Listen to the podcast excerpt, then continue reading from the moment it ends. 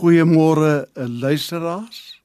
Dit gaan my voorreg wees om hierdie week met u te praat oor 'n woord wat sedert my weermagopleiding nie net vir my interessant was nie, maar ook van besondere waarde reg deur my lewe geword het.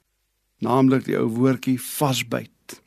Om vas te byt beteken onder andere ons moenie laat los nie, ons moenie tou opgooi nie. Ons moenie omdraai nie, ons moenie wankelmoedig wees nie. Ons moet deurgaan met dit waarmee ons besig is. Ons moet sterk en volmoed wees.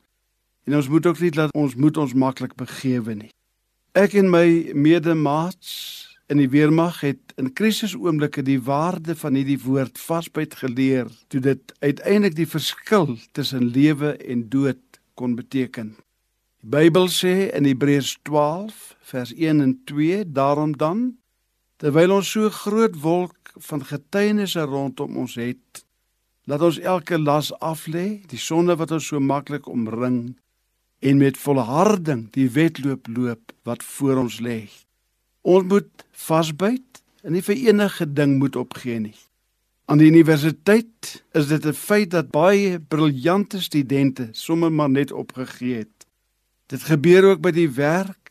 Dit gebeur in wedstryde. Dit gebeur selfs ook in die kerk.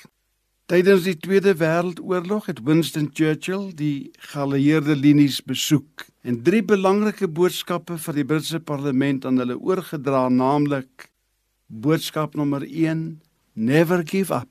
Boodskap nommer 2: Never give up.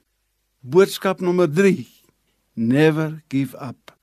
Hulle wat kan vasbyt, maak 'n verskil in enige organisasie en situasie.